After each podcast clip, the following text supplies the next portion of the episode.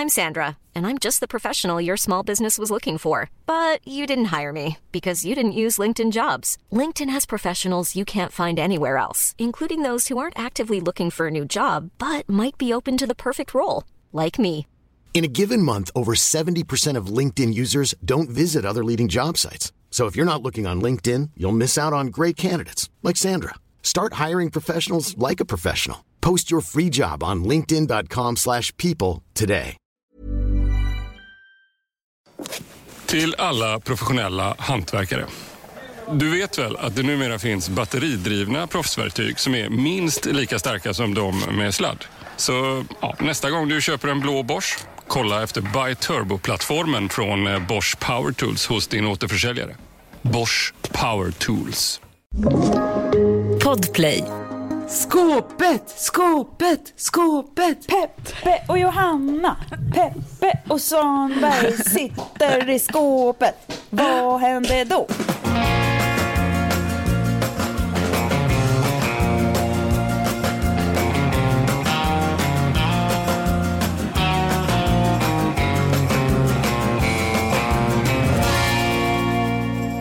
Hej på er! Jag Hej. håller mig lugn och sansad och värdig här i min lilla covid-karantän. Berätta om din covid-karantän.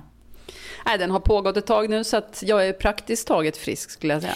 Vet du, jag har tänkt på att varför ingen har liksom kommit på, eller det kanske de har, att man, att man är liksom took a trip to covid island. Är inte det fyndigt? Skulle man inte kunna ha det som en rubrik om man jobbade på en amerikansk tidning? Va? Varför? Ja, så Coney Island, covid island. Att det är som en Jaha. så här fyndig, fyndig det var grej. ändå ganska långsökt. Va? Det är det väl inte? Ja, nej, jag men- fattade inte den. Man är på co- Visst. covid island, man är liksom i karantän. Visst, om man bor i typ Brooklyn, då kanske. Ja men jag är ju Men- jätteinternationell i mitt mindset Ja. hela tiden. Det är ju det. Ni måste hänga med.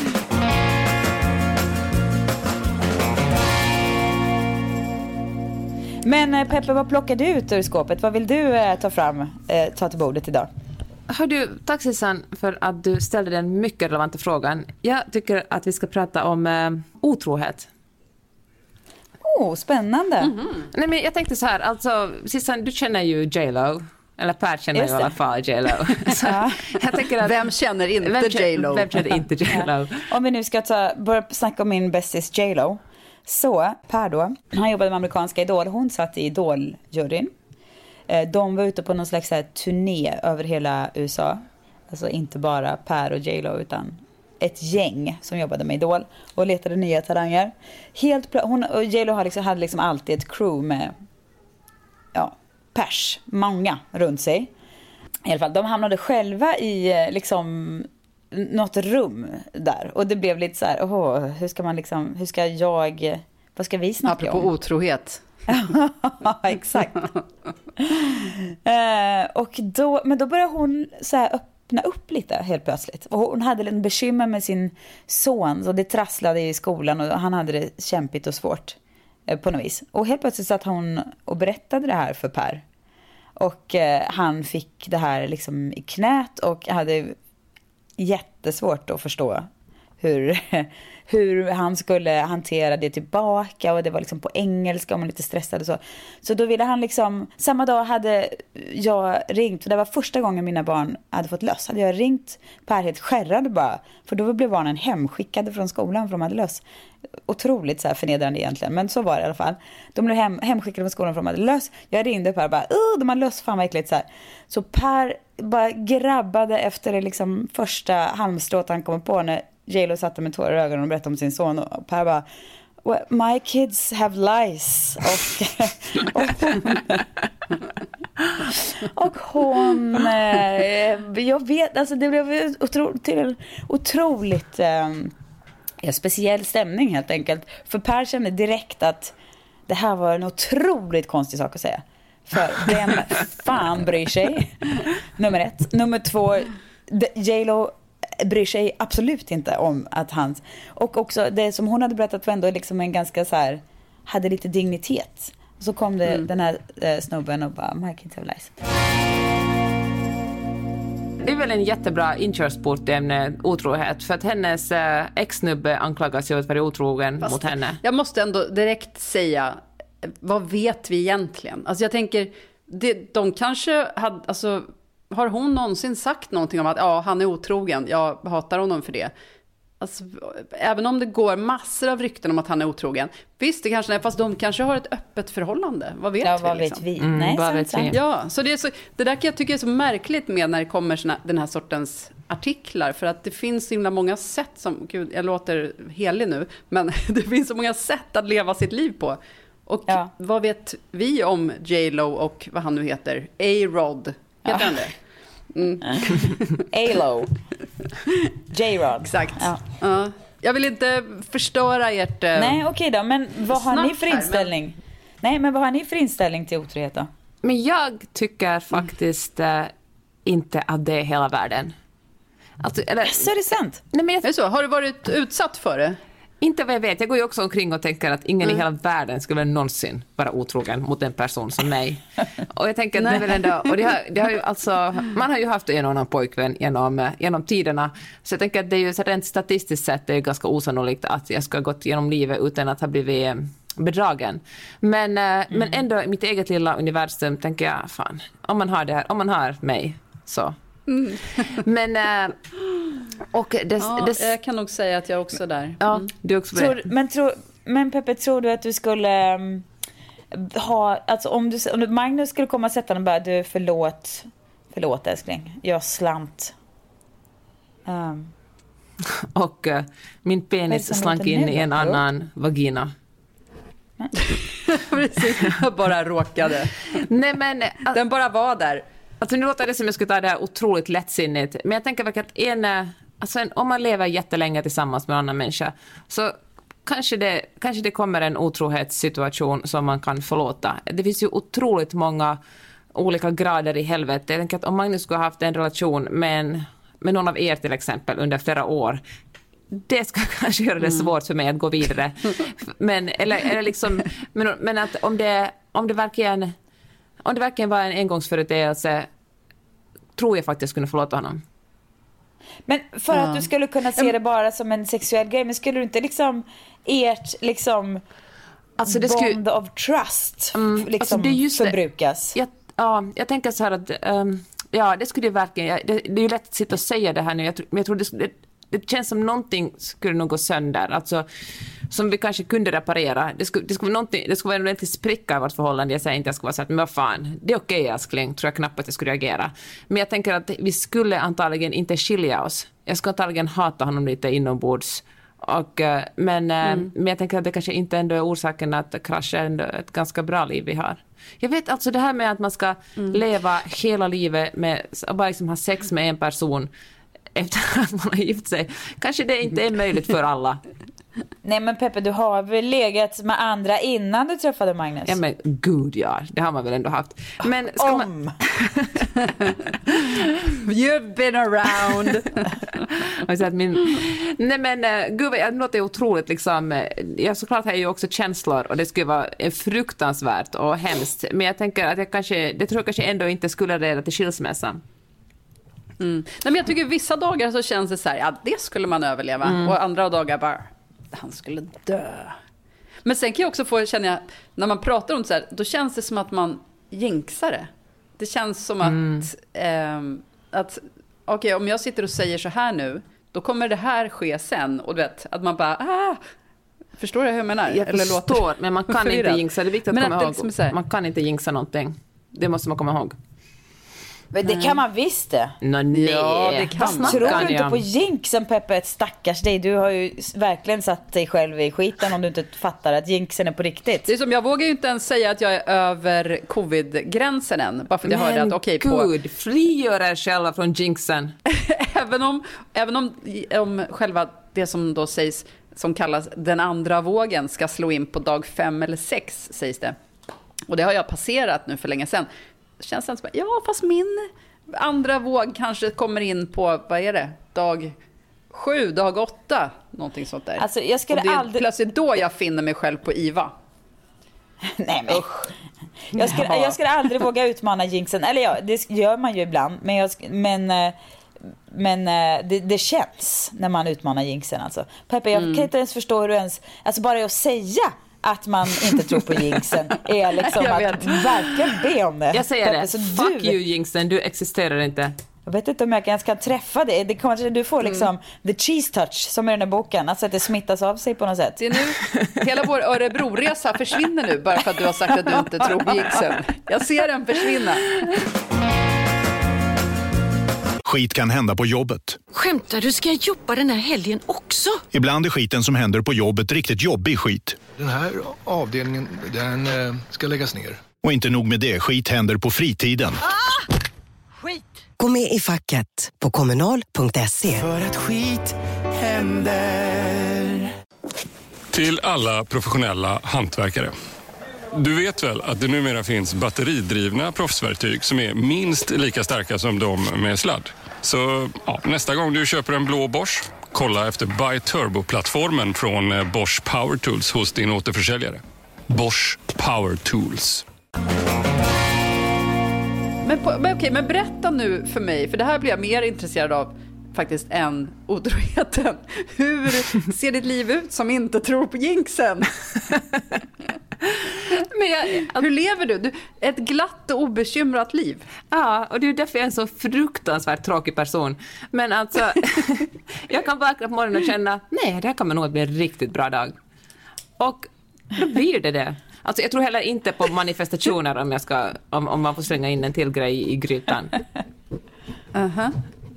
Och vad innebär manifestationer som du ser det? Nej, men man, det är väl någonting som också, det är, som, det är väl besläktat med jinxen. Man säger nu ska jag manifestera. Säg det i universum så händer det. Ja, typ. men verkligen. Det är som det där the secret. Nej, fan, det är ju mm. på liksom. Sen tycker jag att man kan visst ha liksom målsättningar och bestämma sig för att nu ska jag röra mig i den här riktningen. Det tror jag på. Men jag tror inte på att man kan viska ut någonting i universum och sen styr universum upp det liksom. Nej, men Peppe du har missförstått. Det handlar liksom inte om magi. Det är inte det det handlar om. Utan det handlar om, säger man så här, eh, ja, men jag skulle, skulle vilja omsätta det här eh, målet med mitt företag. Om man bara kastar ut det i universum. Det är ju liksom inte att så här, åh, okej universum fixa, det, utan det är ju att, att, liksom, har man sagt det till sig själv. men det är en Så målsättning. blir det i de, nej, det är ju lite någon slags manifestation. Men vad Ja, men skillnaden? det, är ser det hända. mål, det, är ju, det är ju också en målsättning. Nej men en målsättning är en annan sak för det är ett så här väldigt konkret, det här ska hända då och då och då. Det fixar inte jag, det blir jag stressad av. Men om man däremot ganska tydligt kan se framför sig någonting som man gärna vill ska hända, då brukar det ju ofta bli så. Men om man utmanar jinxen och mitt i det här säger att så här, jag är säker på att vi kommer klara det innan det och det. Det är då det inte händer. Så jinx, mål och eh, manifestation. Extremt luddiga begrepp som man alltid måste förhålla sig till Peppe. Men det är jävligt modigt att gå runt och leva på det här viset Peppe. Ja, men det är en inspiration för oss alla som går runt och inte vågar säga saker rakt ut. Men hörni, om vi ska liksom prata, bara återkoppla till otrohetstemat igen. Så vill jag säga att jag eh, tror absolut inte som du Peppe att det går att gå vidare från en eh, otrohet. Och alltså, det beror ju såklart på vad man har för deal. Så att säga. Men har man en deal som är så här, vi, vi är exklusiva, vi är med varandra. Och någon bryter den överenskommelsen på eget initiativ utan att liksom ja, få det okejat från annat håll. Då, då är det ju någonting som är så i grunden förstört. Och jag kan i och för sig tänka mig att om man har det pissigt som fan av någon anledning. Det är så här, vi snackar inte riktigt, det är något som ligger mellan oss, vi når inte riktigt fram. Det behöver inte så pissigt, men man kanske är liksom, nå, man är inte riktigt i samma loop så. Då kan jag absolut förstå att det händer och då går det säkert att lösa. Men tänk att man är det. Man är i samma så här, gå, håller, håller varandra i handen och skippity hoppar glatt liksom, mot framtiden. Och en bara så här, fast jag också skippity hoppar med en annan person lite grann. Det skulle ju vara... Jag vet inte hur jag skulle, någonsin skulle kunna komma över det faktiskt. Säger jag, som alltså har varit otrogen, inte mot Per, men mot andra Nej, men om man personer ihop tidigare tillsammans med en annan person, då måste man väl också tänka att det är någonting som pågår alltså under lång tid då, tänker jag. Eller hur? För att det är ju också två olika saker om det pågår länge eller om det är en engångs... För mig är det inte så stor skillnad tror jag inte. Jag skulle bli exakt Nej, lika jag- rosenrasande på båda tror jag. Men jag arg får man bli, samtidigt där. men skulle du skilja dig då? Eh, bra fråga. Eh, ja, det skulle jag nog faktiskt göra. Alltså, du vet, här, här får man liksom Cecilia Blankens på ett jävla fat. Nej, det trasslar man inte bort. Då, då kan man gå och hålla på och fjanta sig någon annanstans. Då kan jag gott ligga på någon annans fat istället. Men finns det så många bra fat? Det finns det kanske. Nej. Ja, men då Det kanske mitt finns eget det inte. fat då. Fast man kan, ja, precis. Man har ju sitt eget fat alltid. Ja, det har man alltid. Det är i och sant. Men Johanna, du då? Plötsligt så flyttar jag in hos er. Nej, men jag Ja. känner nog precis som eh, Sissan, tror jag. Jaha. Jag sitter och väger allting här medan, medan jag hör er prata. Ja. Men, Nej, men det är ju en jätteklurig fråga och sen händer det och då vet Du fan förvånad. vad man gör. Nej men alltså, jag, nu vill jag ju inte säga att jag tycker inte det skulle vara kul om Magnus skulle ligga med någon annan, men jag tror jag skulle förlåta honom om det verkligen var... Det var inget, det var liksom en, det var en enkvällsgrej. Nu han träffade, någonting hände, han var, inte att fylla en ursäkt, men det kanske är en förklaring. Och eh, ja, nu är det ju han som klipper den här podden, så han kanske kände att han plötsligt fick en helt ny öppning. men, eh, men jag tänkte, men då tänkte jag också, Men- ja, men var går gränsen då? Han har liksom en penetration eller säg liksom, okej, säg att, att uh, Per eller Fredrik, om de hånglar med någon annan på en fest, är det otro? Liksom, är det tillräckligt mycket otrohet för att de ska få sparken från ett äktenskap? Ja, men, så här, Gud, Hångel är ju det härligaste. Hångel är ju det, här, det är ju härligare, Ja. hångel är ju härligare än ligga oftast. Verkligen. Men fr- fråga kuken vad kuken tycker om det. Får ett annat svar. Ehm, Nej men jag skulle säga så här att hångel och ett ligg det är ju alltså absolut att det är, man har ju hunnit man har ju fått fler chanser att bromsa sig, bromsa sig och som man ändå tackat nej till om man går hela vägen så att säga. Men jag tycker ändå Ja, att det är någon form av någon form av eh, liksom förtroende som är brutet redan vid ett hångel faktiskt. Men däremot, alltså jag har varit väldigt, alltså så här, innan i ett tidigare liv så var jag, kunde jag vara väldigt, väldigt svartsjuk. Eh, men samtidigt som jag också alltid hade ganska avancerade flörtar på sidan av i förhållanden. Eller alltid, men det hände. Så det var ju lite, Mm. Är det... det- var ju ett mindfuck för mig själv Ja, men att leva är det med. inte ofta så att det, Jo. det som man, alltså det är precis som det här att det som man stör sig mest på hos andra är det som man själv Det där tänker gör. jag så ofta Eller på. som- saker man själv har. Ja. Ja. Jo, ja, men jag har väl aldrig varit särskilt svartsjuk av mig på det sättet. Jag kunde mer, alltså jag minns i början av mitt och Fredriks förhållande så var jag mer som svartsjuk liksom på Filip. För att Filip fick så mycket tid. Och sådär. Du ska säga det var sällan kanske. Men det var sällan som jag var nog av svartsjuk på brudar. Liksom. Men alltså, jag kan däremot tycka så här, ibland om jag... Det här är en typisk eh, situation kanske på någon, i så här jobbsammanhang. Där Per känner mycket folk och har jobbat med mycket folk och har haft lite olika så här, ja, men positioner och jag vet att... Ja men du vet, man vet och man ser att det finns, du vet, singelkvinna samma ålder tycker att han är kanske härlig. Så. Och man märker att det liksom fjädras upp sig lite om man, om man är kanske på samma, om man är på Kristallen, låt oss säga. Efterfesten på Kristallen. Eh, och man ser att det, det finns någon viss kvinna eller två som liksom strutsar upp sig. Eh, det kan jag tycka är så kul för honom. Det känner jag bara, Men tycker du att han blir lite mysigt. extra sexig då? Tycker du att han Ja, är sådär... Mm, Ja, det kan jag tycka faktiskt. Absolut. Ja. det kan jag nog tycka. Jag tror tyvärr inte riktigt att han fattar det jätteväl alltså. Men jag kan ju se att det händer ibland. Och jag, jag tycker verkligen att eh, han kanske tar in det på något lite så här liksom subtilt sätt då. För att han inte vill stå där och se flörtig ut. För att då tänker han att då kommer raseriet från frugan sättandes. Men, men jag kan verkligen unna honom en så här, eller en personalfest när jag inte är med.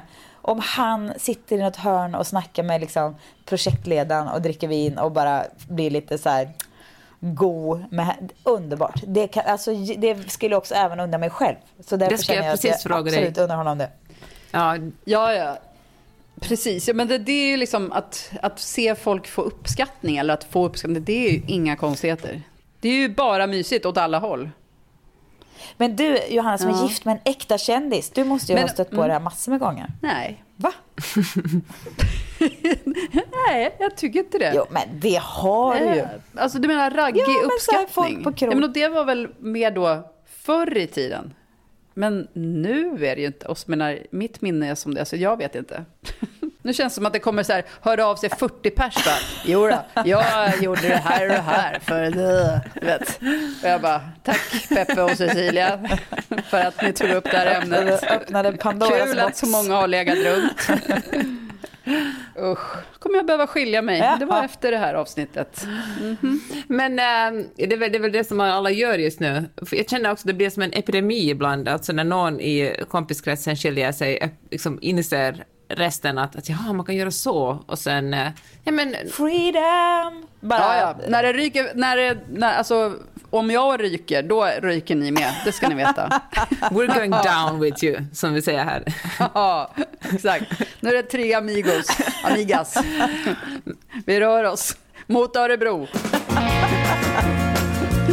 Det är dags att säga farväl till och hej till Dracarys. För HBO Max är här. Streama allt du älskar, bland annat The Suicide Squad och Zack Sniders Justice League. Spara 50% livet ut så länge du behåller ditt månadsabonnemang. Registrera dig på hbomax.com senast 30 november. Se villkor på hbomax.com. Hallå där! Ursäkta att jag stör, men här kommer en dunderdeal från Burger King. För 99 kronor får du två Chicken Royal Meals eller två Whopper Meals eller en av vardera. Remix! Sväng förbi Burger Kings drive-thru och plocka med dig maten hem. Men alltså allt fler kvinnor i så här 40-årsåldern som jag talar med drömmer ju om kvinnokollektivet. Alltså, Ja. istället för att folk skiljer sig och istället för att vara så att gud, att nu ska vi träffa, nu vill jag träffa en annan man, också i och för sig gifta kvinnor, och kanske framförallt gifta kvinnor, drömmer ju om det där liksom att bo tillsammans med ett gäng andra kvinnor och sen ha kanske en man eller en älskare vid sidan om som hälsar på ibland eller som man kan gå ut på och dejta med. Och sen eh, ja, men lever man bara tillsammans och har det ganska härligt med sina kompisar. Ja, det, jag har noll drömmar om kollektiv. Har aldrig haft kollektivdrömmar. vad, det här, våra, Nej. våra planer på att avsluta våra dagar i Malibu då? Det var bara snack. Ja, men det är en annan sak. Jaha. Det är ju inte ett kollektiv. Då är, Nej, alltså, nej, alltså, om man är två, tre personer, då är det inte ett kollektiv. Man behöver ju nej, inte vara liksom 50 personer eller ens Nej. 20. Man har liksom sina närmaste vänner som man tycker om och liksom vet. Och sen har man, man behöver inte dela rum heller. Jag tänker inte en sovsal nu med. För kanske, och till och med kanske egna badrum om man vill. Men, alltså, men ändå så här att om, någon är, om man har barn som behöver barnvakt så kan man vara så här, men jag drar nu. Folk plockar upp sina egna kläder, liksom, torkar av diskbänken och liksom känner inte att, jag har en teori om att ingen man har någonsin städat köket till 100 procent. Alltså när människor städar efter sig, städar de till nej men så ungefär 92 procent. För att innerst inne känner männen att det egentligen inte är deras uppgift. Och de tänker inte, och de känner, jag menar, det här är ingenting som de aktivt tänker, det finns bara en sån grundläggande känsla att det, är som, det angår egentligen inte dem. Och när de städar köket så är det egentligen en tjänst de gör till, om man lever i ett heteroförhållande, till kvinnan i familjen. Men tänk att det här med kvinnor, där är diskmaskinen inplockad och disk, diskbänken avtorkad. Nej, du, du har inte levt med mig, Nej, Peppe. du har he- heller inte ledsen. den. Du får Ja. nog, vi får tydligen inte, vi kommer direkt, Nej, vi kan inte. dag ett grusa Det blir din- inget kollektiv för oss tre. Grus. Nej. ja, men så, så här är det också, att jag stör mig ju på de flesta människor eh, väldigt mycket. Alltså, inte Ja. så, men jag menar om man ska bo ihop, det, det är ju jätte, jättejobbigt verkligen. Och jag stör mig ju förstås även på Per, men där har vi ju nu levt så länge ihop att man, att man eh, skämtar om det. Alltså han liksom. vet Ja, han vet exakt när han är som mest störig liksom. Och han, då växlar han upp det lite extra så att det liksom istället blir kul för att jag liksom blir så irriterad så att han, ja det blir fnissigt istället för att man vet så väl vad liksom, ja, man, var, man, var man bara har kommit över någon slags gräns där man bara släpper det och det blir som en så här, ja men det kan ju vara till exempel eh, eh alltså Per går upp på morgonen, ser ut eh, då ganska exakt, ni vet en sån här fågel som har flugit in i en ruta. Den ramlar ner på, på marken. Och är så här tuffsig och också helt bäng. Bara går runt och liksom klarar liksom inte att förstå vilken riktning den ska gå i. Kan absolut inte flyga, kan inte göra någonting. D där har du Per på morgonen. Min irritation när den här fågelversionen av honom bara snurrar in och också går, allt går så fruktansvärt långsamt. Och eh, då, eh, ja, då säger han ju, då vet ju han att jag är så irriterad att jag bara eh, liksom kokar. Men då kan han istället, då liksom kan han vända på det och fick göra någon kul liten, eh, helt plötsligt, ja jag vet inte. Har ni sett Husdrömmar Sicilien? Nej. Ja, det har jag sett. Ett program på, som gick på SVT. Det finns säkert fortfarande på SVT Play. Jag, vet, jag såg nu att det skulle komma en säsong två. Jag brukar liksom sällan kolla på sådana där. Den här såg jag någon gång i höstas. Den handlar ju alltså om en, ett svenskt par som köper ett förfallet hus på Sicilien. Mm. I en liten ful by på Sicilien. Inte liksom en så här pittoresk by, utan en ful by. Men jättefint hus och det är superförfallet. Det, allting måste renoveras. Och de, mannen är väl liksom väldigt händig och kvinnan är, hon är inredare. Alltså hon jobbar med inredning så att, och har supermycket bilder i huvudet av hur det ska bli. Och, eh, och så följer då deras renoveringsresa i, på Sicilien. Och den, Alltså det var, den irriterar mig så mycket att, men jag kan inte sluta titta. Vem irriterar dig mest? Vad irriterar dig mest? Nej men det är kvinnan såklart. Alltså hon är så, hon är så otroligt irriterande. Alltså jag beundrar henne. Hon har en otrolig formkänsla. Hon är så kreativ. Hon ser lösningar och hon bara kämpar på. Du vet när man ser henne så här, gå, hon konkar jättetunga grejer som hon har fraktat från Sverige och hon har någon barnvagn och hon har barn som samtidigt vill köpa tuggummi i någon liten pytteliten tobaksaffär. Och hon bara, du vet, hon ger aldrig upp. Hon bara kämpar. Och det är så irriterande och det blir så vackert. Och det är så konstigt. Och henne såg jag igår på Insta att jag bara, nej men jag kan inte börja följa henne för jag kommer, jag kommer förstöra mig själv. För jag kommer börja alldeles för ofta titta på vilka irriterande saker hon har för sig för att det är så mycket ansträngningar. Förstår ni hur jag menar? Ja, men det är ju en sak att liksom störa sig på en person i tv men, och en i, ver i verkligheten. Och hon eh, köper opraktiska små vackra juiceförpackningar bara för att de är vackra. Ja. Fast de väger liksom fem gånger så mycket att bära upp för backarna än en ful liten tetra som man själv skulle köpt för att man är lite lat och helst inte bär så mycket. Ja men det är de där, äh, som där är Per också, han, han går alltid Eh, han har inget emot att gå the long, uh, den, den liksom omvägen bara för att liksom, det ska bli lite trevligare stämning. Han har varit bortrest i veckan och jag har verkligen tänkt på hur mycket mindre liksom um, han är den där som liksom lägger fram små servetter tvättar under besticken, han sätter på bra musik på morgnarna. När den här påkörda fågelpappan kommer väl vaknar till nere i köket så är det alltid små skoj och bus med barnen och, och när man åker bil så kommer det lite musik och man, han har satt på stolsvärmen i bilen redan innan man sitter där. Allt det här lilla som gör det lite, lite trevligare har han gemensamt med den här italienska eh, kvinnan, eller svenska italienska inredarkvinnan. Och det är ju mm. så otroligt för alla, härligt för alla runt omkring som får mm. njuta av det där.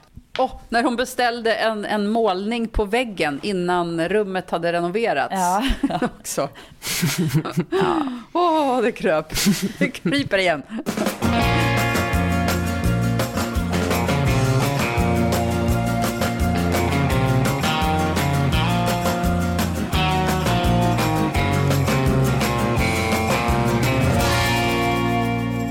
Hörrni, jag, vill, jag, skulle, jag skulle vilja um, knyta, till, koppla tillbaka till ämnet curlande som vi pratade om mm. Eh, förra veckan. Uh, vi kom väl inte egentligen någon vart så där, utan vi bara kom fram till att det var ett komplicerat ämne. Jag har en gammal kompis, hon är egentligen en ex-pojkväns stora syra, men uh, i alla fall, hon har, blivit, hon har också lärt känna min stora syster och sådär. Så att, uh, hon är väl någon slags vän till familjen, eller vad man ska säga. Hon och hennes man gifte sig eh, någon gång, kan det varit, tidigt 2000-tal. Jättefint bröllop och jättekul fest och ja, alla var lyckliga. De fick tre barn i snabb följd. Och sen helt plötsligt så hände det här overkligt tragiska att eh, han blev sjuk och gick bort på ganska kort tid. Åh fy vad hemskt. Ja, och hon hade då, var själv kvar med de här tre små barnen. Eh, ja, det var ju hemskt. Jag träffade henne för ett litet tag sedan.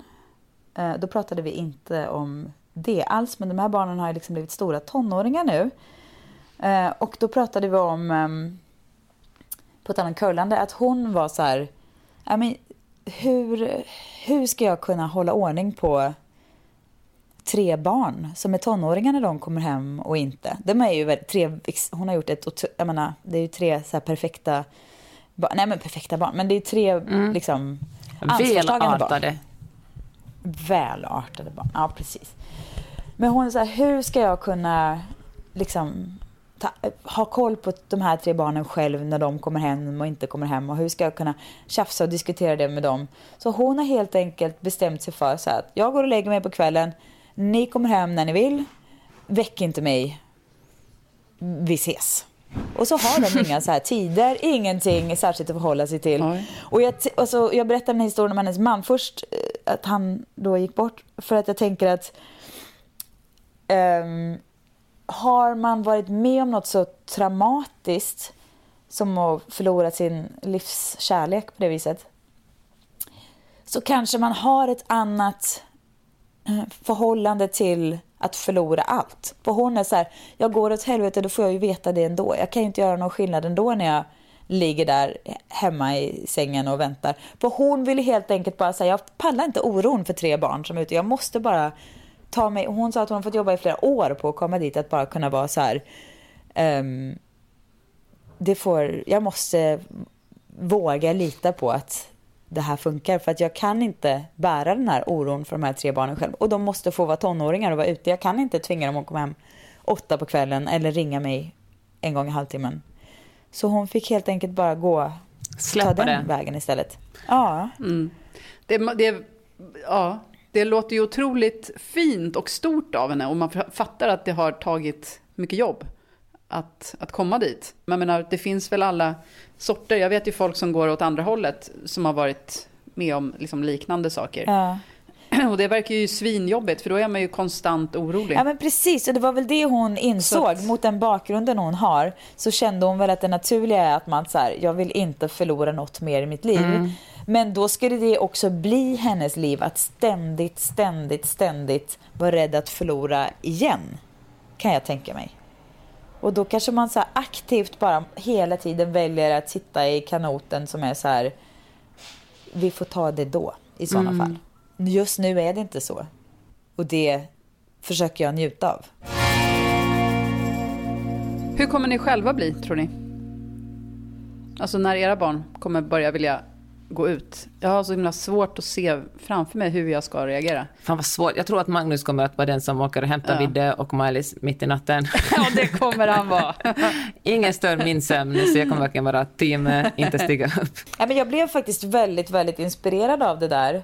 Jag har verkligen tänkt på det, att det är ju helt sant. Jag tänker att när man har tre barn som är i tonåren, det skulle ju potentiellt kunna bli en fasansfullt alltså. För mm. jag har också, jag, jag har verkligen äh, tagit mig igenom mycket, ett liv av mycket katastroftankar och, och tycker inte att jag har det så mycket längre. Men just det där, att någon ska liksom försvinna, det är någonting som bara sitter i mig från barndomen. Och jag, jag, får, jag rusar upp i panik direkt om så ett barn, om jag inte får tag på ett barn och den är en halvtimme sen hem, då, då har jag redan liksom ringt åtminstone tre olika andra föräldrar och börjat fråga runt och sådär. Jag kan inte hantera det där värdigt alltså. Mm. Det där är ju också förresten, apropå jinxande, att man gärna vill hinna tänka alla tankar som möjligtvis skulle ha kunnat ske, för då kommer det inte ha hänt. Det som man har hunnit tänka har oftast inte hänt. Smart, smart, det är det. Så det, det, är ett jinx. Det är ett jinx-tips till dig, Peppe. Nej, men så, så för mig som då har väldigt lätt att rusa i panik kring det här så, så tänker jag nog ändå Alltså jag blev, jag blev otroligt lockad av tanken på att kunna komma dit. Att jag bara är så här, så, nu går jag och lägger mig, det får bära eller brista. Mm. Samtidigt så vill man ju förstås kunna så här, jag stänger väl inte av telefonen utan jag skulle väl ändå så här, vet, ring om det är något. Så. Det är verkligen iskallt. Stänga av telefonen. Telefontiden uh, öppnar igen klockan 7.30 på morgonen. Ja, jag bara, jaha, oj då. Men inte före jag har fått mitt kaffe. Mamma läser tidningen. Om du håller på att bli mördad får du höra av dig lite senare.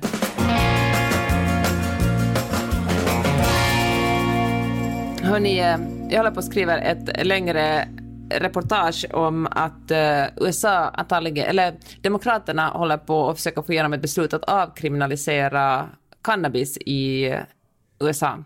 Och uh, eftersom vi har talat så mycket om uh, droger så tänkte jag bara kort berätta liksom vad jag har lärt mig. Och ja. Och mm. avkriminalisera det är ju inte samma sak som att legalisera. Avkriminalisera innebär att eh, du inte blir eh, dömd. Liksom det, klassas inte som ett brott. Det kan fortfarande vara förbjudet men det klassas inte som ett brott. Och det här är ett steg för att uh, helt enkelt tömma fängelserna på svarta män. För att svarta män blir, alltså hela USAs drogpolitik har varit otroligt rasistisk. Alltså svarta män har dömts för brott som vissa droger har liksom klassats som traditionellt svarta använder har klassats som mycket farligare och, och ger mycket tyngre eller mycket längre större straff än, än det som sådana droger som vita använder. Och eh, så den här avkriminaliseringen handlar om att eh, helt enkelt få folk ur fängelserna, få inte liksom beröva familjer pappan och helt enkelt för att spara skattepengar. Och eh, de delstater, alltså New York legaliserar ju nu nyligen eh, i april, till första april tror jag det var, också cannabisprodukter. Och då räknar man med att få in så enormt mycket skatte, skattemedel för det, att man ska kunna satsa väldigt mycket på att se liksom drogmissbruk som en sjukdom snarare än ett brott. Att verkligen hjälpa folk, liksom satsa på rehabiliteringscenter och satsa väldigt mycket på pengar på, på skolor för att folk ska få en utbildning och liksom skaffa sig ett yrke. Fast det är ju lite tokigt att vara så här, här kan ni köpa droger. Och sen bara, ja nu blev du sjuk. Jag menar det är ju som att vara så här, ja, ja det är ju i och för sig exakt som cigaretter. Jag fattar. Här, men... rök. Jaha, nu fick du lungcancer. Mm. Ja, det får vi ta hand om. Men tydligen... För de flesta blir ju ändå inte beroende utan kanske använder det på ett ja. Ja, annat sätt än men att det är beroende. Enligt Gud, alltså tydligen är det så här enligt det jag, den enligt de forskningsrapporter jag tog del av nu, så är det ganska, börjar det bli allt mer osexigt att, att uh, röka weed i USA. Jag menar när Elon Musk och Martha Stewart är öppna med att göra det, tappar det liksom lite sin glans på något sätt. Det är inte, det är inte så attraktivt längre mm. att, det är inte, man är liksom inte cool när man röker. Ja, nej, men det är väl bara alltså, något som alla gör, typ. Ja, fast bland tonåringar har det tydligen gått ner. Alltså det är färre tonåringar som röker. Alltså men det, det som vi har talat om, att den nya, det här generation, generation C är liksom på något sätt väldigt mycket präktigare än tidigare generationer som dricker mindre, knarkar mindre och har mindre sex och liksom gör mer TikTok-videos. Ja men det är ungefär som man tänker sig att Malou von Sivers skulle vara så här. Bara röker en fet. Då skulle hon ju vara total influencer på på, på ja. gräs. Alltså det skulle vara otroligt ohippt bland kidsen om liksom ansiktet för gräs var ja, Malou von Sivers. Så ja, jag kan verkligen se att det kanske är det kanske är jättesmart att ta bort spänningen helt från det. Då blir det bara så här van, då blir det så här folköl på något Men sätt. det var väl också... Fast då flyttar man väl bara till, det är ju inte som att man inte vill ha någon kicks. Jag menar då, då flyttar man, om Malou von Sivers tar gräset, då flyttar du, man väl sig bara till tror, något lite värre. Men jag tror faktiskt att den här nya generationen revolterar genom att vara snällare. Att det är mycket mer provocerande att vara liksom präktig än att röka weed. Nej. Men för, Nej, tror du det på riktigt? Ja, men, alltså man vill ju att det ska vara så, men jag undrar det. Ja. Men det var väl så här som, alltså på tal om att, att liksom förstöra ett brand. Jag kommer ihåg Jersey Shore, när var det, var det Gucci mm. eller var det Chanel som skickade liksom, en, var det Chanel som skickade en Gucci-väska till Suki för att dra ner liksom på brandet, varumärkets värde. Och uh, det är väl det som liksom Elon Musk och Martha Stewart har gjort med weeden. Jag, jag vill bara säga ett par ord till om droger. Mm. Eh, så jag tar, pratar, vi pratar ju tydligen väldigt gärna om det här ämnet. Drogsegmentet. Jag, jag förstår inte varför. ja, precis. Veckans drogsegment. Mm. Jo, att eh, jag har ju... Eh, jag läste någonstans, eller om det var du som berättade Johanna, eller om det var du Peppe. Någon berättade, jag fick informationen till mig att um, det här opiater, alltså heroin och fentanyl och Mm. sådär. eh, för man, när man ser uh, heroinister stå som en ostbåge i någon vägg så undrar man lite så här, vad fan är grejen? Det ser inte så Mm. jävla festligt ut liksom. Men så var det någon som berättade att det ruset är liksom som att komma tillbaks till sin så här barndoms totala trygghet. Ni vet, ligga Mm. nerbäddad i en vagn. Inte för att jag kommer ihåg det, men man kan ju föreställa sig. Eller att man bara är så totalt eh, stilla i nuet och fullkomligt trygg och omhuldad av kärlek. Det är det ruset ger. Och då kände jag att där, där har vi något jag verkligen ska passa mig för. Ja, verkligen. För att- det är det här att, att få ligga nerbäddad i en åkpåse Ja, och köra exakt. oss runt. Men det är den- är det så det känns? Det är så- Då är det dit vi ska. Exakt, det är dit vi inte ska. För att jag har liksom, jag, jag är ju inte så, jag, jag brukar tänka att jag inte är den som, jag har liksom inte någon sån här, vad heter det, att man inte blir så beroende personlighet kanske sådär. Men när jag läste det då kände jag att det där skulle jag absolut kunna åka dit på. För, jag insåg också att att folk söker kickar och jag är ju precis tvärtom. Jag, jag är konstant jakt på åkpåse känslan alltså. Den är jag alltid ute efter. Och det är därför jag nu tycker jag har börjat utveckla nästan en osund längtan till min bastu. För det är liksom... Ja, jag Åkpåse. köpa det. Men hörni, får jag komma med ett tips då? På- När vi talar om, eh, om opioider. Alltså det finns en bok som heter Den amerikanska epidemin som kom ut för några år sedan av Johan Kullberg som är en, en svensk journalist som handlar om hela opioidkrisen och hur otroligt cyniska läkemedelsbolagen var och mutade läkare att skriva ut opioider. Det är liksom det som, det är den vanligaste dödsorsaken i USA. Alltså det dör otroliga, alltså otroliga mängder människor av det. Och det är så otroligt beroendeframkallande. Jättebra bok. Man behöver liksom inte vara rädd för att det är bara en enda lång tråkig forskningsrapport, utan det, den är liksom, det är bra journalistik. Jag tog också Prince ifrån oss när man pratade om det härliga otrohetsämnet igen. Och nu vill jag ju självklart veta om ni fick, om det var så här, ingen vet, ingen hör, du kan gå vidare med gott samvete. Vem skulle ni då liksom lura in på kammaren en kväll? Okej, om det här liksom, eh, om det handlar om Då menar jag kändisar. en mer känd person. Då säger jag precis. Per. Vi behöver inte... ja, exakt. Nej. Nej, jag säger, ehm, jag säger Donald Glover eller det otroligt ooriginella Harry Styles. Du får slåss med mina vänta, döttrar vänta, om vänta honom. lite. Stopp och belägg. Vilka otroligt mär- märkliga val. Va? De var ju jättebra! Nej. De var ju perfekta! Danny Glover känns Tyst inte han på dig väldigt- Justin Bieber! Ja. Tyst på dig Justin Danny Bieber! Glover tänker jag har lite så här, vad heter han? My precious kropp. Va? Va? Talar vi om samma person nu? Va? Donald Glover? Nu, nu Sissan, du nu får du backa. Ja, nej, men jag vet väl hur han ser ut. Jag bara Nu känner tror att du han... att vi pratar om Danny Glover? Nej, snälla någon. Det tror jag inte. Men tack för att du har ditt höga förtroende i min... Jag vet inte Och vad. vet du vad jag hörde? Vänta, nu måste jag bara vända mig till Peppa här, för just nu kan vi inte Ja. prata med dig Susanne. Men Peppa, hörde du att Donald Glover och Phoebe Waller-Bridge, alltså Fleabag, att de gör en serie? Nej. Jo! Alltså, jag- jag... såg nämligen för att han la ut det på typ sin story tror jag, några månader sedan. Och den låg bara uppe jättekort. Men jag hann se den. Ja. Och hon var med. Tur att vi har dig Johanna. Jag ser framför mig en person med jättestort huvud och lite så här krum med mycket bröstkorg. Har du sett Atlanta? Alltså, det är Nej, det- jag gillar inte den. Atlanta Jag har börjat se den, men det var inget för mig. otroligt. Du får ge den en till Den är Den är fantastisk. Ja, du måste se den. Den är fem Ja. plus. Fem plus. Lätt. Ja, absolut. Ja. Skärp dig Cecilia. Jätte, jättebra.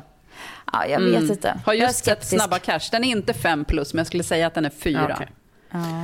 Åh, Alexander Abdallah. Där har vi en också. Vem är det? I Snabba Cash. Jo, jo, jag vet vad Snabba Cash är, men vem är han i Snabba Cash? Ja, men han är bröllopssjungande yrkesmördare. Ja, men honom Mm. älskar jag också så mycket. Den här Ravy-killen fattar jag inte alls. Alltså han är väl trevlig. Nej, men bröllopssångarkillen. Mycket, Ja. mycket, mycket förtjust i. Sissan då? Ja. Nej, men jag... Ja, men du vet ju, hon kommer ju säga Ja, Justin Bieber. Vi vill inte höra Nej. Justin Bieber igen. Hon, det var enda anledningen till att hon tog upp det här ämnet för att hon skulle få säga Justin Bieber igen. Ja, men det hon har- vill avsluta det med var- honom det har- igen. Nu kommer hon säga, Åh, kan vi stoppa in en låt kanske? Nej, men eh, alltså jag, jag, jag, det, jag, nej, det är klart att man skulle gärna ta sig en liten, han, man skulle gärna visa den där lilla gobben hur slipsten ska dras så Hur att det går säga. till på Kinnekulle.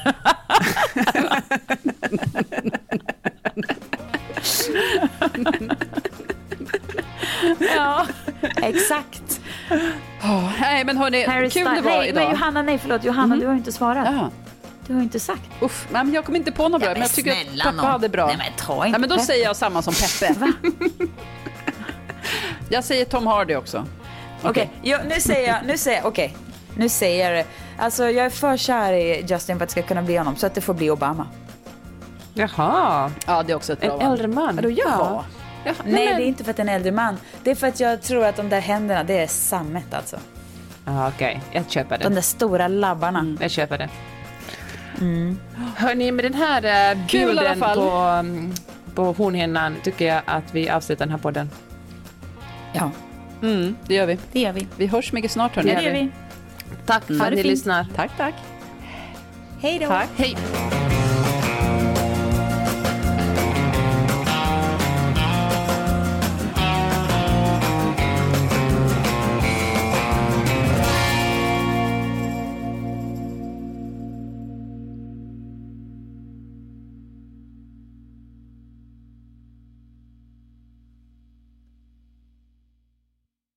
Det är dags att säga farväl till och hej till Dracarys. För HBO Max är här. Streama allt du älskar, bland annat The Suicide Squad och Zack Sniders Justice League.